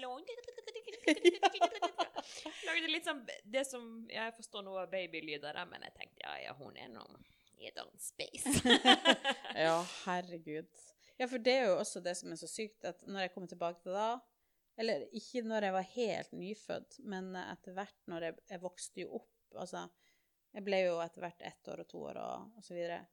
Så var jeg jo tilbake i rommet som et barn, da, men da så jeg jo Da kunne jeg jo se deg, da, for eksempel. Mm. Ja, hvordan så jeg ut? Nei, akkurat eh, når jeg kom i den alderen at eh, jeg var vel ja, Kanskje jeg var tre år, da, tre-fire år, jeg begynte å leke med de tingene som var rundt meg, og jeg hadde det veldig gøy da. Men, Eh, og da så jeg over på deg, da var jo du i en veldig kjip periode i ja, en kjip periode, den Ja, varte både- hele tiden. Ja.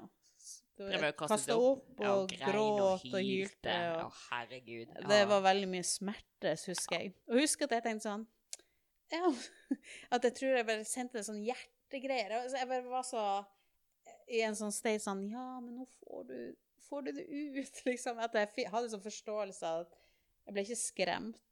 Nei. OK. Ja, for jeg tenkte jo at jeg var veldig glad at det var en så liten gruppe, da, for både på denne breathworken så gikk jeg veldig dypt og, og, og skreik mye, da. Altså, jeg, jeg føler jeg bare lå der og skreik og skreik og skreik, altså. Og jeg tenkte jo sånn Andre som er i rommet, håper jo virkelig at de kan klare å blokke meg litt ut, liksom. Men det klarer man jo. Ja. Man er jo så inni sitt eget at uh, man registrerer jo ting rundt seg, men uh, du er så inni ditt eget at uh, Ja, men det var godt, jeg var jo liksom litt sånn utenfor mitt eget, da, for jeg begynner alltid å tenke på hvordan andre reagerer på Ja. da. Så det var jo mitt tema. Men jeg fikk jo òg, altså angående fødsel, da, så fikk jo jeg òg sett fysisk, akkurat sånn scener, ikke fra mitt liv, men fra andre i familien min sitt liv. mm. Fikk sett deres fødsel, fikk sett eh, Akkurat som på en film, helt rart, men jeg fikk liksom også følt følelsene som om de var mine. Og Mm. de følelsene som mye negativt, eh, hva skal jeg si, skam og, og angst og panikk, altså alle disse følelsene her var liksom i meg, da, og, og, og liksom begynte å kaste opp alt dette dritet, og, og, og lå jo òg store deler av denne seremonien i det som jeg vil kalle liksom eh, ja, altså fødselssmerter, altså rier av pain. Ja. Og det var jo da han der tantraduden kom og trøstet meg. Han bare liksom holdt rundt meg, og jeg bare Og jeg kjente liksom det var så deilig Altså, for jeg følte Gud Altså, jeg følte bare sånn på sånn generasjons, da. Altså, at jeg følte jeg var alle disse kvinnene i min familie som liksom kjente på smerten deres, og hvor vondt det var at man ikke hadde fått støtte fra en, en sånn, hva skal jeg si, sunn mannsfigur. Altså, det var så sinnssykt, hele opplegget. Og den smerten der av å være så aleine med alt, og bære alt aleine liksom sånn som du sa i den første seremonien, alt som kvinner hadde måttet Mm. bære på. da. Det var Mm. så mye greier. Og det bare kjente når han kom og holdt rundt meg, så var det liksom som om jeg ble bedøvd. ja. Um, Han hadde jo en helt fantastisk energi, han der hjelperen der. ja, og liksom han trodde jeg klarte meg, og han liksom prøvde å reise seg opp, og jeg bare Altså, da lå jeg bevisstløs, altså nesten. Altså, jeg klarte ikke å bevege meg, men da hoppet jeg opp på beina og bare dro han med meg ned! og han drev jo Han, han sovnet jo til slutt oppå meg, for jeg lå jo og grein i så mange timer, vet du. Det var jo bare så morsomt, egentlig. Ja. Så bare reiser jeg meg opp, og så ser jeg bort på deg, og der hallusinerer Altså, jeg hallusinerer med øynene åpne, da. At ser jeg meg sjøl føde. Mm. Å, herregud, det er så trippy. Ja. Og så jeg sa det, det som jeg tenkte, var bare Helvete, jeg er sliten ut jeg er stygg ut! liksom der jeg er så svett og bare sånn ansiktet sånn deformert og liksom Og så tenkte jeg Helvete Unnskyld meg banningen her, altså, men helvete er det du snakker til deg sjøl? Her sitter jeg og ser på meg sjøl føde, og så sitter jeg og ser Oh, you look freaking ugly. ja, uff. Ja, altså Da grein jeg så sykt mye over at jeg klarte å tenke noe så Ja, negativt. Herregud. Herregud. stop it! Ja. Hvorfor er vi så slemme mot oss sjøl? Ja, det er helt sjukt. Nei, men så det var mye der å skrike og grine ut av, for å si det mildt. Ja, altså, jeg kom jo inn i den eh, babykroppen, og det var så ubehagelig å være nyfødt baby, for jeg, jeg var jo bare For da kom jo også bevisstheten min, da. Altså, den voksne meg var jo der i bakgrunnen òg, samtidig som jeg var den klumpen, og jeg følte virkelig at det var sånn Altså, det var forskjellen på å Det var mye mer behagelig å dø og slippe på kroppen enn å komme inn i en fysisk kropp. Det var så ubehagelig. Liksom, og det er jo Jeg tror ikke altså en baby tenker det, mens jeg hadde bevisstheten min i bakgrunnen, så syns jeg det var veldig sånn ekkelt, fordi jeg følte at du er jo bare i en klump som du så vidt klarer å røre på. Du klarer bare å røre på litt Mm. armer og bein. Så jeg lagde jo masse sånne ly- babylyder bi, og, og, og holdt på. Du var litt så støkk lenge på, på babystadiet. Ja, Men det er jo altså sant, herregud, man kan jo bare forestille seg det. Altså Babyer glir jo veldig inn og ut i Ja, bevissthet. og det var det jeg opplevde. For da, Mm. det som skjedde når jeg var den babyen, var jo at jeg var ikke bare i det rommet. Altså, jeg fikk eh, Jeg var liksom på vei fra Jeg, jeg kaller det source, eller altet, da, Mm. og inn i fysisk kropp. Og, det, og da skjønte jeg liksom hvorfor babyer sover så mye som de gjør. Fordi at det tar så lang tid. Ja. For du går inn og ut av det. Og da var det sånn På et tidspunkt så sa jeg liksom Jeg tror aldri jeg klarer å komme inn i den illusjonen der igjen og tenke at det er ekte nå når jeg har sett hva som er etter du er død. For da, et, når jeg kom i den staten som etter døden, på en måte, var jo, da føltes det så mye mer ekte og virkelig ut at jeg tenkte sånn Nå skal jeg inn i en drøm, og skal jeg late som at det er ekte. For meg så var det så Det var så trippy. Og jeg, sa det, jeg kommer aldri til å klare å leve i den illusjonen der igjen. Men det gjør jeg jo nå, så Ja, det er jo fint at vi, vi klarer det, for det, det kjente jeg på er veldig trippy, og at jeg har har jo vært veldig liksom, ujordrett, holdt jeg på å si. Jeg har jo òg lengtet hjem og kjenner liksom på det fra, fra jeg var liten av at herregud, har jeg havnet her, og nei Abort mission. Mm. altså, ting, eh, ting, ting blir, jo, blir jo tøft, da. Men uh, altså spesielt når man har en fot i begge verdener. En ting når man liksom ser litt mer av den illusjonen og det spillet, det gjør jo det at man har kanskje litt andre spilleregler. Mm. Men det er vanskelig å ja, å jorde seg, da. Det er jo, men altså, det var jo det, det som jeg òg kjente her, at uh, når jeg òg ble kastet tilbake her i Mm. min kropp Å, herregud. Å, herregud, hvor takknemlig jeg er for å være her. Fysisk, At liksom bakken står i ro. Ja, det varte ikke så lenge, for plutselig så så jeg at bakken åpnet seg, og jeg så hele det elektromagnetiske feltet til planeten, og alle disse her eh, Hva skal jeg si? Og sånne ting skulle ønske jeg så. det, For det, der Ja. fikk jeg litt sånn journeyen av alle de som kunne se sånne ting. Fordi at jeg, liksom, Hovedsaken med var jo at jeg døde og skulle bli inkarnert på nytt igjen. Og havne inn i en eh, Og jeg fikk jo på slutten kunne spørre masse spørsmål og, og få noen svar, men det var, jeg fikk jo aldri de her syke reisen rundt omkring og de syke psykedeliske ikke man skal være så mye misunnelig på det der, altså, for det, var, det, altså, det som du sier, det er akkurat som du er sendt fra source, og så inn i en menneskekropp, er utrolig trippy. Og det å liksom være på en måte ved bevissthet og se disse tingene, det kan være så liksom, hva skal jeg si, nesten skadelig. Mm. Eh, å, å se dette her og fortsatt holde beina på jorden, da.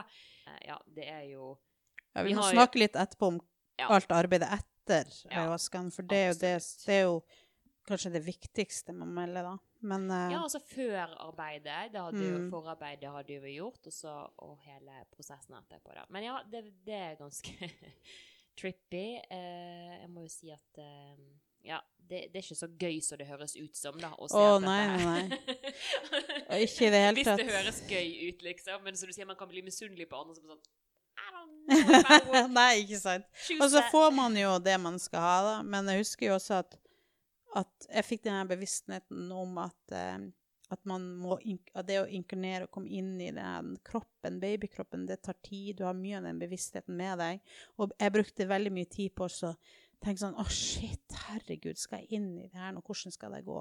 Men så kom jeg jo bare mer og mer inn, og så var jeg lenge baby, og jeg fikk jo heale en del ting sånn eh, på mitt eget babystadie, da. Ja. Men eh, nei, så ble jeg jo fra jeg var sånn tre-fire år og lekte, lekte rundt og hadde det gøy og sånt, på den plassen min.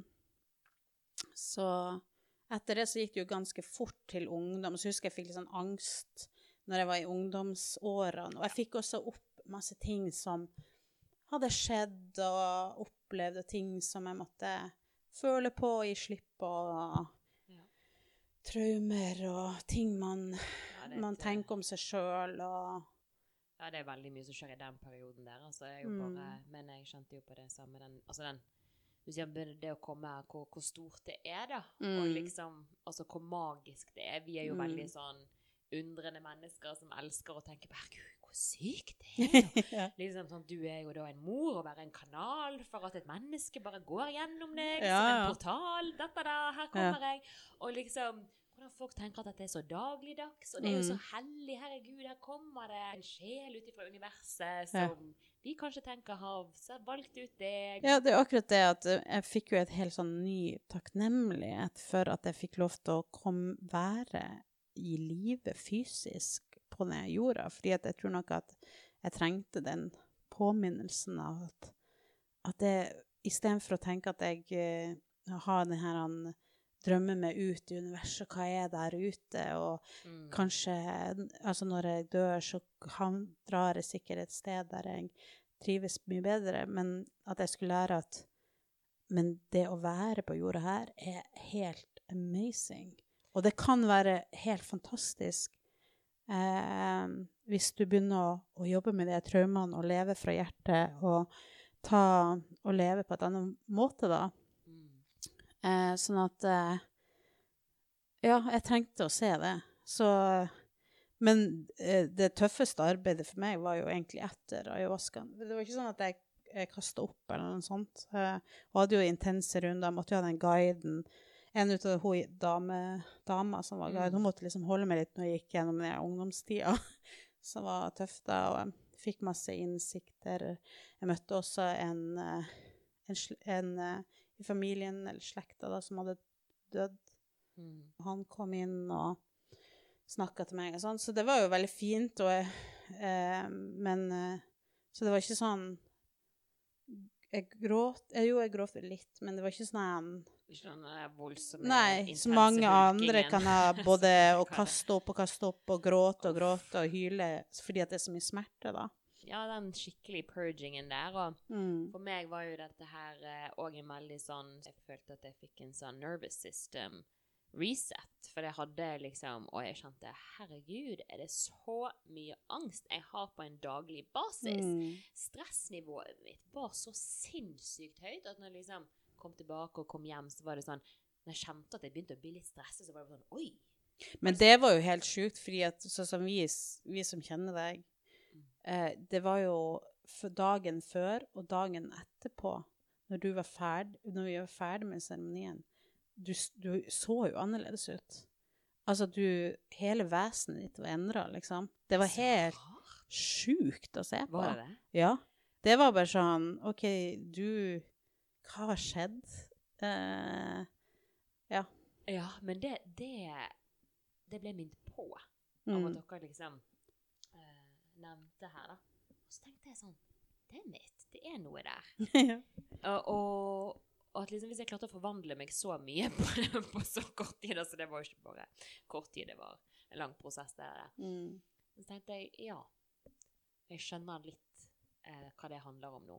Fordi at det eh, Det handler om å bli den jeg egentlig var ment til å være. Ja. Mm. Ja, og det, det Ja, det tror jeg er liksom mm, det du skal finne ut av. Jeg tror jo tar man ayahuasca, så er det masse prosesser, men vi er jo så langt ifra å være, tørre å være den vi egentlig Mm. er, og være i kontakt med Den vår essens. vi har. Ja, og Mm. kraften, da. Jeg var iallfall danset noe langt utenfor den, så det er jo liksom Mm. eh, komme i kontakt med den igjen Ja, nei, det som du sier, man føler man blir født på ny, men det er jo vært mye Men nå husker jeg også Ja. det der med klokka. Ja. Da jeg begynte å bli litt eldre, så begynte jeg også å bli litt sånn utålmodig. For nå tenkte jeg sånn OK, nå er jeg sliten og lei av det her. Det, det som, ikke sant? Du healer jo masse, du ser på masse ting, og du bare tenker sånn Åh, kan ikke vi bli ferdige? Så begynte også, da begynte jeg å se på den klokka på veggen. Mm. Eh, og jeg bare begynte å se bare, hva er det, hvor langt er vi kommet? For jeg visste jo at vi skulle være ferdig sånn halv fem-femtida. Ja. Det hadde vi fått beskjed om. Sånn at, eh, at jeg begynte å se sånn OK, er vi ferdig snart? Og da, eh, da husker jeg at hun ene hun sjamanen sier til hun ene guiden om at eh, du må ta ned den klokka. Og det var liksom akkurat da, da jeg drev og stirra på den. Så jeg ser at hun tar ned klokka fra veggen, og da Jeg vet ikke om jeg ropte Jeg følte at jeg ropte til henne, men jeg vet, det kan godt hende at jeg ikke ropte. Jeg så deg. Ropte du, jeg? Du bare pekte og he, he, Ja, for jeg følte at jeg ropte og sa sånn Hei, what are you doing? Og da fikk jeg beskjed eh, liksom fra Spirit, eller guidene, eller ja, eh, at du er altfor opphengt i tid i livet ditt. Jeg har alltid vært opptatt av hva, jeg skal oppnå innenfor en viss tidsperiode, og veldig sånn tidsstyrt. Enda det er jo en veldig stor illusjon sånn ellers, da. Og da, da når hun kom bort til meg og skulle hjelpe meg når jeg skulle ungdom, da, da sa jeg til Husker jeg, da var jo, liksom, man er jo litt full da. Så da sa jeg jo bare sånn I saw you took down the clock. I know what you did there. It was very smart. I understand. For da var jeg så fornøyd med at jeg hadde skjønt liksom beskjeden. Rusen går jo etter hvert ut. Mm. Så, og det som var veldig deilig når det var ferdig, var jo at vi ble servert frukt. Husker du det? Altså, den frukten altså, For det første hadde jo vi jusa i noen dager. Og så for det andre så var jeg jo på en måte nyfødt, så alt var jo bare sånn Når jeg så fargene på den Altså, alt var jo bare fantastisk. Liksom planter Jeg gikk jo rundt og var nyte livet, liksom. Eh, men så så jeg den frukten, jeg bare herregud. Det var noe melon, og det var ja, jordbær og noe greier. Og det smakte helt fantastisk. Liksom. Å, fy fader, hvor godt det var. Og så gikk jeg ut og la meg på gresset og bare så sola. Jeg bare oh my god. Altså, jeg var jo helt Jeg tror jeg nyfrelst. ja, ja, nei, men jeg kan jo sånn trippe sånn ut på uten den der, da. At jeg bare går og bare «Ah, Blomst, ja. ah, frukt, ja, men det er jo det at hvis man bruker virkelig tid på for Ja. smake på det man spiser, og liksom ha, være mindful i det du gjør, så kan du få Du kan jo Ja. ut, ja. Ja. Jeg har gjort det mange ganger. Men jeg følte at det var så intenst akkurat da.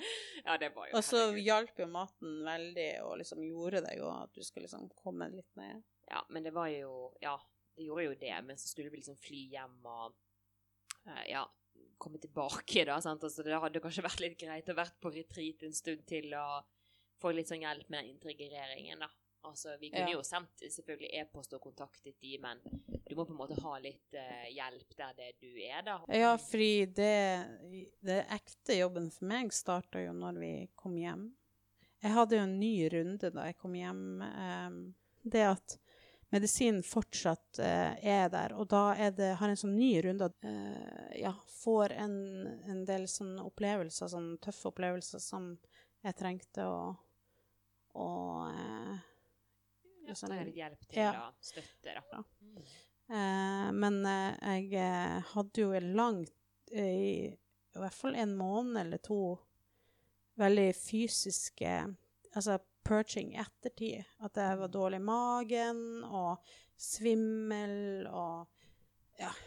eh, ja, akkurat som at det var Jeg måtte på nytt igjen bli vant med å være i en voksen fysisk kropp, da. Mhm. Ja, Så det skjedde utrolig Mm. masse rart um, der, sånn fysisk, de neste månedene, da. Eh, ja. det var heftig. Ja, men det var jo litt sånn på din intensjon, da. Det mm. å jobbe med liksom tema kropp og det å være i Mm. kropp. Og, Mm, Så du, du fikk jo virkelig utforsket det du bestemte deg for. absolutt. Jeg òg trengte jo hjelp, eh, spesielt når jeg liksom da skulle på jobb.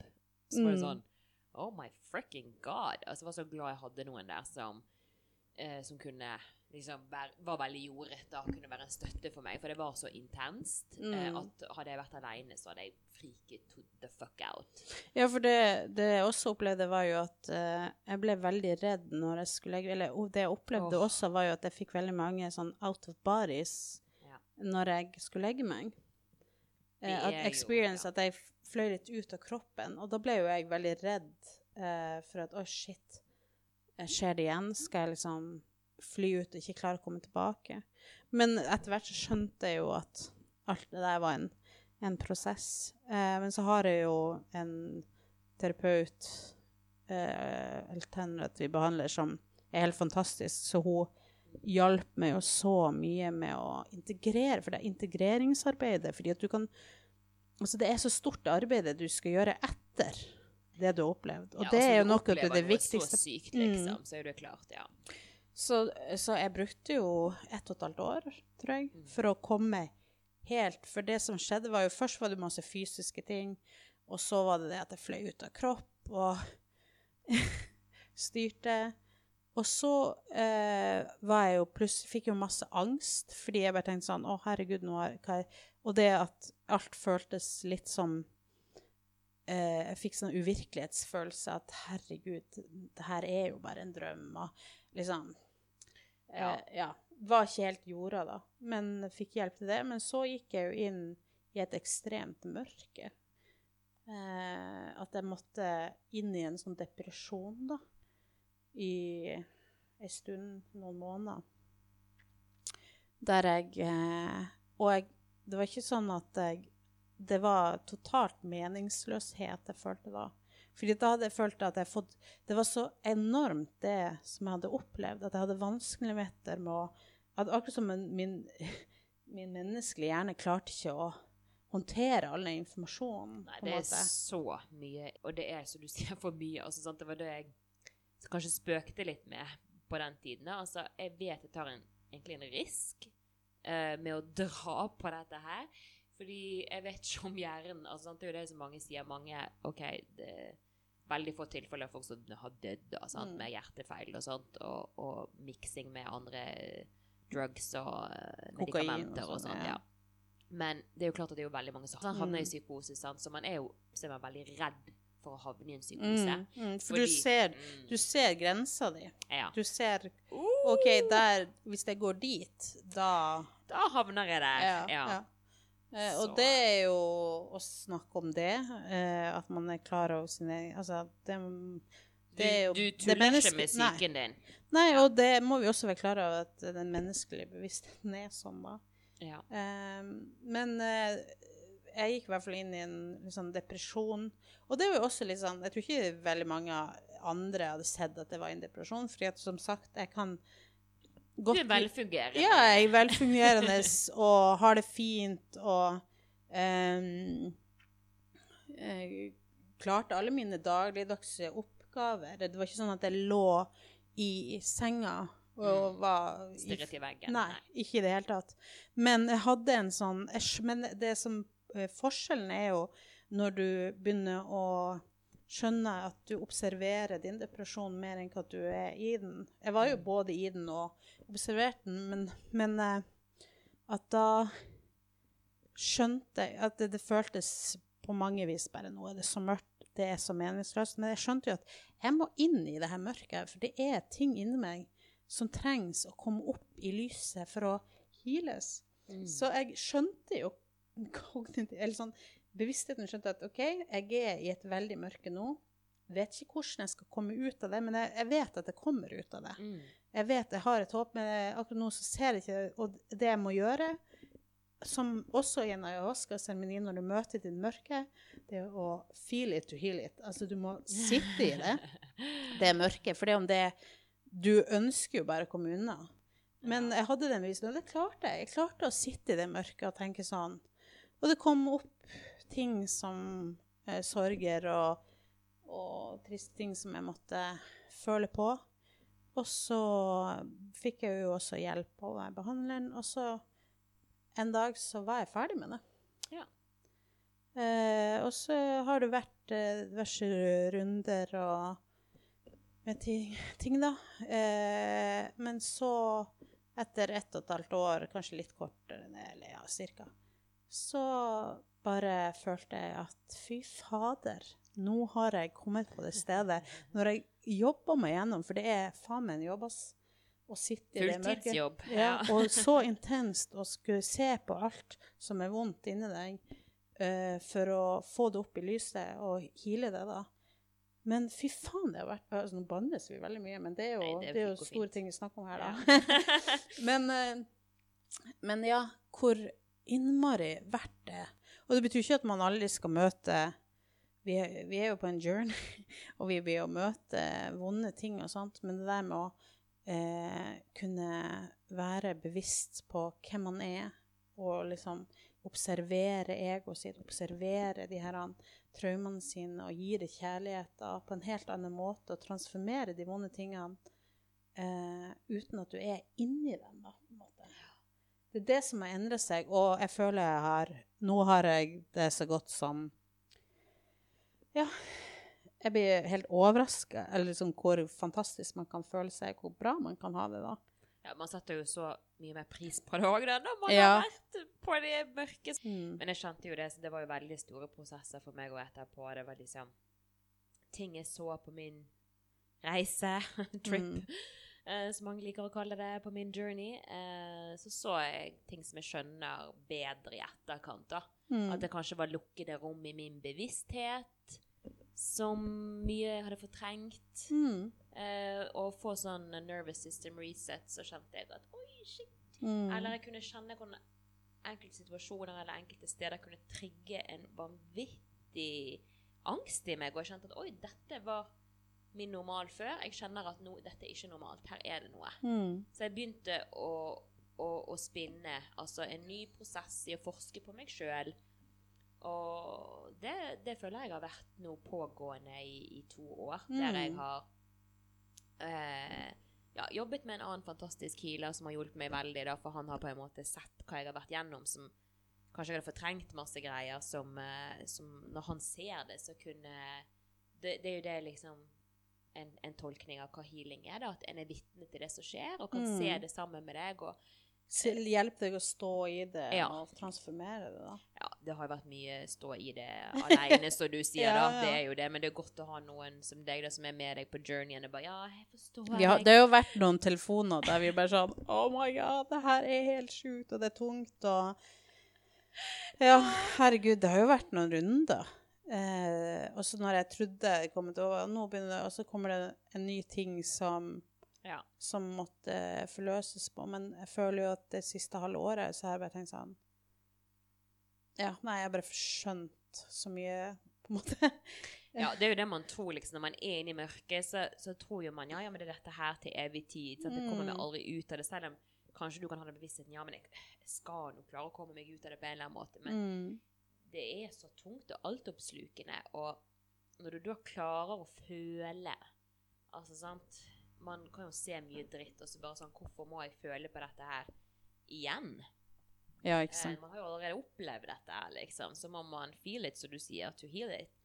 Ja, og mange ganger så må man ta rund, flere runder på én ting. Du tenker sånn åh, men har ikke jeg kommet meg videre på akkurat det her? Og så ligger det så dypt at du må se på det flere ganger. Og så tenker jeg sånn Det er jo veldig mange som tror sånn når man går inn i den spirituelle verden, det, at det er bare sånn at man sitter i sånn zen og mediterer og sånt. Det er jo ikke det. Du Skulle blir jo kasta gjennom all driten. Uh, for å Ja. Ja, det er jo mange som sitter der. Det har jeg omtalt før. liksom Sitter sånn 'Å, jeg er så spirituell', og Nei, nei, nei, nei. Og så har de bare sånn sinnssykt ego og bare ser ikke litt på sine skyggesider og bare spiritual bypass, liksom. Ja. Card Det er jo sånn som alt annet, det er også ja. identiteter som man kan eh, Og det har jo også sjøl vært resultatet av i begynnelsen. Mm. At når man finner den delen, altså identifiserer identifiserer. Ja. Takk. Har pregnancy brain. bare- Eh, ja. At man uh, gjør det Og det er jo på en måte egoet igjen, da, som trenger, trenger det. Men det er jo veien inn, og så tenker jeg at du på et eller annet tidspunkt De fleste kommer ikke unna Eller noen kan jo faktisk unngå det ganske lenge og se på sine traumer og skyggesider, men uh, du har det jo Når du tenker deg om det, så har du det ikke så godt. Nei um, Ja, nå må jo gå litt foran her og pløye, pløye veien. Og så Alle har liksom sin reise, da. Sant? Jeg tror jo på dette her, at vi inkarnerer nå, kommer nå her på denne planeten, har vært der mange ganger. Um, så ja. Alle har nå Alle har sin oppgave, da, i det hele. Mm. Ja. Jeg tenker mind your own business, egentlig. Altså sånn Så lenge du har det Uansett hva du gjør, så må du spørre har jeg et godt liv. Mm. Leve sånn som jeg ønsker å leve. Og svaret på det vil jo være så forskjellig. Så det er ikke sånn at den spirituelle veien er den eneste veien til å ha et godt liv. Nei, virkelig ikke. Liksom. Jeg tror det er veldig mange som ikke er spirituelle, som lever ganske bra. Altså har et godt liv. I, er veldig flink til å leve i nuet. Absolutt. De kan klare å leve etter eh, sin egen, sitt eget kompass. Eh, uten at de har gått denne enlightened veien, da.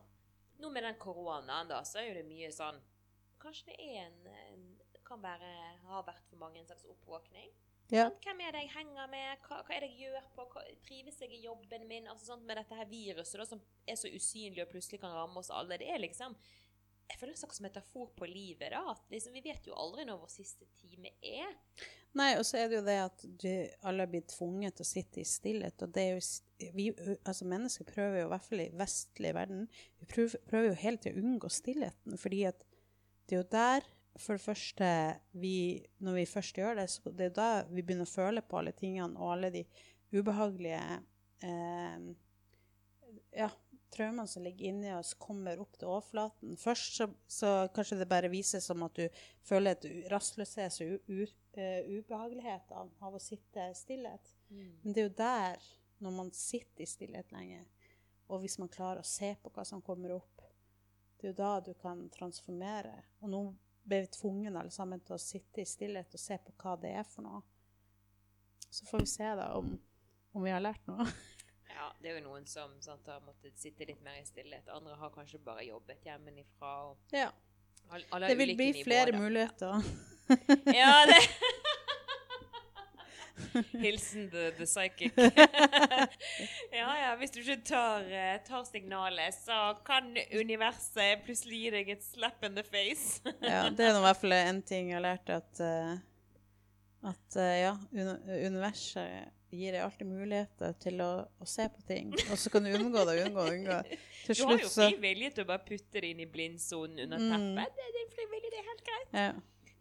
Så ja, ja, nei, det er en journey. det er livet. Martin. Vi er jo her in Earth School, så får vi se nå, da. Det kommer jo alltid nye lekser. Å, ja, ja. det Vi er ikke Vi ja. er ikke graduated ennå, takk oh, Gud. Og så tenker jeg Det er også en sånn fanesak er jo at uh, jeg syns det er så trist at vi ødelegger regnskogen. Der er så mye av det Mm. medisinen og vi trenger. Håper at uh, vi kan alle få øynene opp for det. Altså moder jord, Gaia, planeten her, klarer seg fint uten oss. Alltid i transformasjon, healer seg sjøl. Det er jo en levende organisme sant? Uh, som vi ikke vet så mye om heller, liksom. Jeg tror vi vil utforske mye mer av det, fremfor kanskje dra Kanskje vi drar ut i space òg. Men eh, tenkte på det at eh, ja, vi er en del av, av jorden. Da, sant? Vi er jo Eh, Vi er ikke separert fra Nei, i- dyr og, eh, dyr og jord og Nei, og når vi dør òg fra, fra støv Kom du til jeg å si et lite stjernestøv? Eh, til døst Altså, du skal jo returnere til jorden sant, når Mm. sjelen forlater oss. Eh, går, jo kroppen din tilbake til, eh, til jorden, da. mm. Så eh, det er liksom ja, disse prosessene å heale oss sjøl. Altså Så healer vi òg planeten. Absolutt. Så eh, ja, det føler jeg bare Start med det sjøl. Ja, det er sånn Once I thought I could heal the world, and then I became wise. ja. og skjønte at jeg måtte begynne å heale meg sjøl, eller starte med en sjøl. Det må en alltid. Mm. Så kan man lede som et eksempel der, da. Er det noen sånn siste eh, ord du vil si? Nei Jeg føler jeg har sagt veldig mye. Ja. Men eh, nei, hva man skal si, da? Det med å starte med seg sjøl er jo Å sitte i stillhet det er jo noe som jeg tenker er viktig. Det er jo Altså, alle disse praksisene, det er jo Det krever jo trening, Mm. som med alt annet. Så eh, det det, Ja. Det er, det er tungt å bygge opp muskler, liksom. Og Ja. disse her eh, mindful-musklene, altså. For det er faktisk trening. Og det er jo Når andre spør meg om, om hjelp og sånne ting, så sier jeg ja. Det er bare å begynne å meditere, det. Og man ønsker jo de fleste av oss, og sånn var jeg også i begynnelsen Ja, men kan ikke du bare fortelle meg, liksom Ja. Gi meg den kjappe løsninga. Nei, det er ikke noen kjapp løsning. Det er ikke som at du skal trene alt annet. Du, du, må, du må bruke tid på meditasjon. Du må bruke tid på å observere tankene dine. Hva, hva, er det som, hva er det som dukker opp? Hva er det slags tanker du faktisk har? Eh, hvor mye tid bruker du å tenke negative ting? Hva er det slags tankemønster som er, du har adoptert, som du går rundt og forteller deg sjøl hele tida? Du er nødt til å gjøre det arbeidet. Og det arbeidet Og, og nå er jo vi spesielt interesserte. Altså, det her er jo en passion av oss. Så det, det er jo derfor vi har gjort det her arbeidet kanskje mer ekstremt enn mange andre. Og det er jo flere som oss som, så, som gjør det, da. At uh, du ser virkninga av den praksisen, og at det er faktisk en jobb å gjøre. Uh, og så har kanskje vi hatt ekstra stor motivasjon til å gjøre den jobben. Mm. eh, og en større interesse for, for feltet, holdt på å si.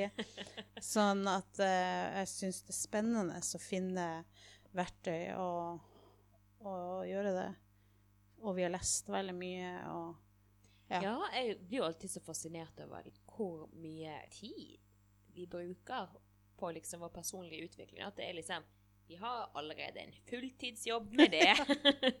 og så er det liksom alt annet i tillegg. ja. Altså Ja, jeg vet ikke hvor mye folk jobber med seg sjøl, men som du sier, jeg tror vi har en sånn ekstra sånn sinnssvak passion. Men det er jo fordi at Ja, altså vi har, eh, vi har jo hatt våre utfordringer som alle har. Ja, Hvis du sliter da med eksistensielle kriser og depresjoner og altså, Hva er meningen med dette? Altså, man leter etter en dypere mening Mm. med det en holder på med. og Det er mange ting vi gjør som er så fucked up her nede. ja. Eh, jeg tenker for min del òg, liksom Jeg bare var alltid så sinnssykt sensitiv som barn og tenkte bare Hva er det folk holder på med? Altså Følte meg liksom alltid som en alien. Og av og til Mm. må vi ha litt sånn outsider perspective. Føler at vi alle skal passe inn i en mal her nede på denne jorden. Mm. Og nei, det er ikke det vi kom her for å gjøre. Nå må vi slutte med dette her. ja, og mye av det arbeidet handler jo om å avlære seg noen mønster. Jeg ser jo hvordan mønsteret mitt, mitt ego kan liksom holde på. Eh, og mer Altså det man blir bevisst på ja, ting som mønstre som man har arva ned og lært opp at sånn må du gjøre. Du, du må være hard, og du må stå på, du må snakke hardt til folk. Eller sånn. Og så begynner man å skjønne at eh, nei, det er en veldig destruktiv måte å gjøre det på. Så må du unlearn alt. Se liksom til naturen mer. Hvordan den forandrer seg. Stadig forandring. Hvordan den Mm. slipper bladene. Ja. Mer trust om at det skal blomstre neste vår. ja, det er jo akkurat det at eh, eh, en, et tre tviler jo aldri på at den skal vokse eller slippe blad. Det bare skjer. Mm. Mens vi mennesker, vi, eller eh, Altså, en, en Altså, et baby vokser jo bare til inn i magen, ikke sant? Det, den har ikke den bevisstheten at du sitter og tviler på at det skal skje. Mens vi mennesker, når vi er, liksom, vi er programmert til å tvile på alt, liksom, og ikke go with the flow Det så, er lite flow og trust, altså. Ja. Så da Jeg tror at uh, hvis man klarer å leve Det kan man lære av naturen, det der med å være i syklusen. Tenke at vi også er en del av det. Em, så tror jeg jo at det er litt enklere å leve. Ja, vi får avslutte der. Tusen, tusen takk for at uh, du var med og delte, Camilla. Ja, håper at uh, dere syntes det har vært interessant å henge med oss på øret. Så høres vi snart igjen.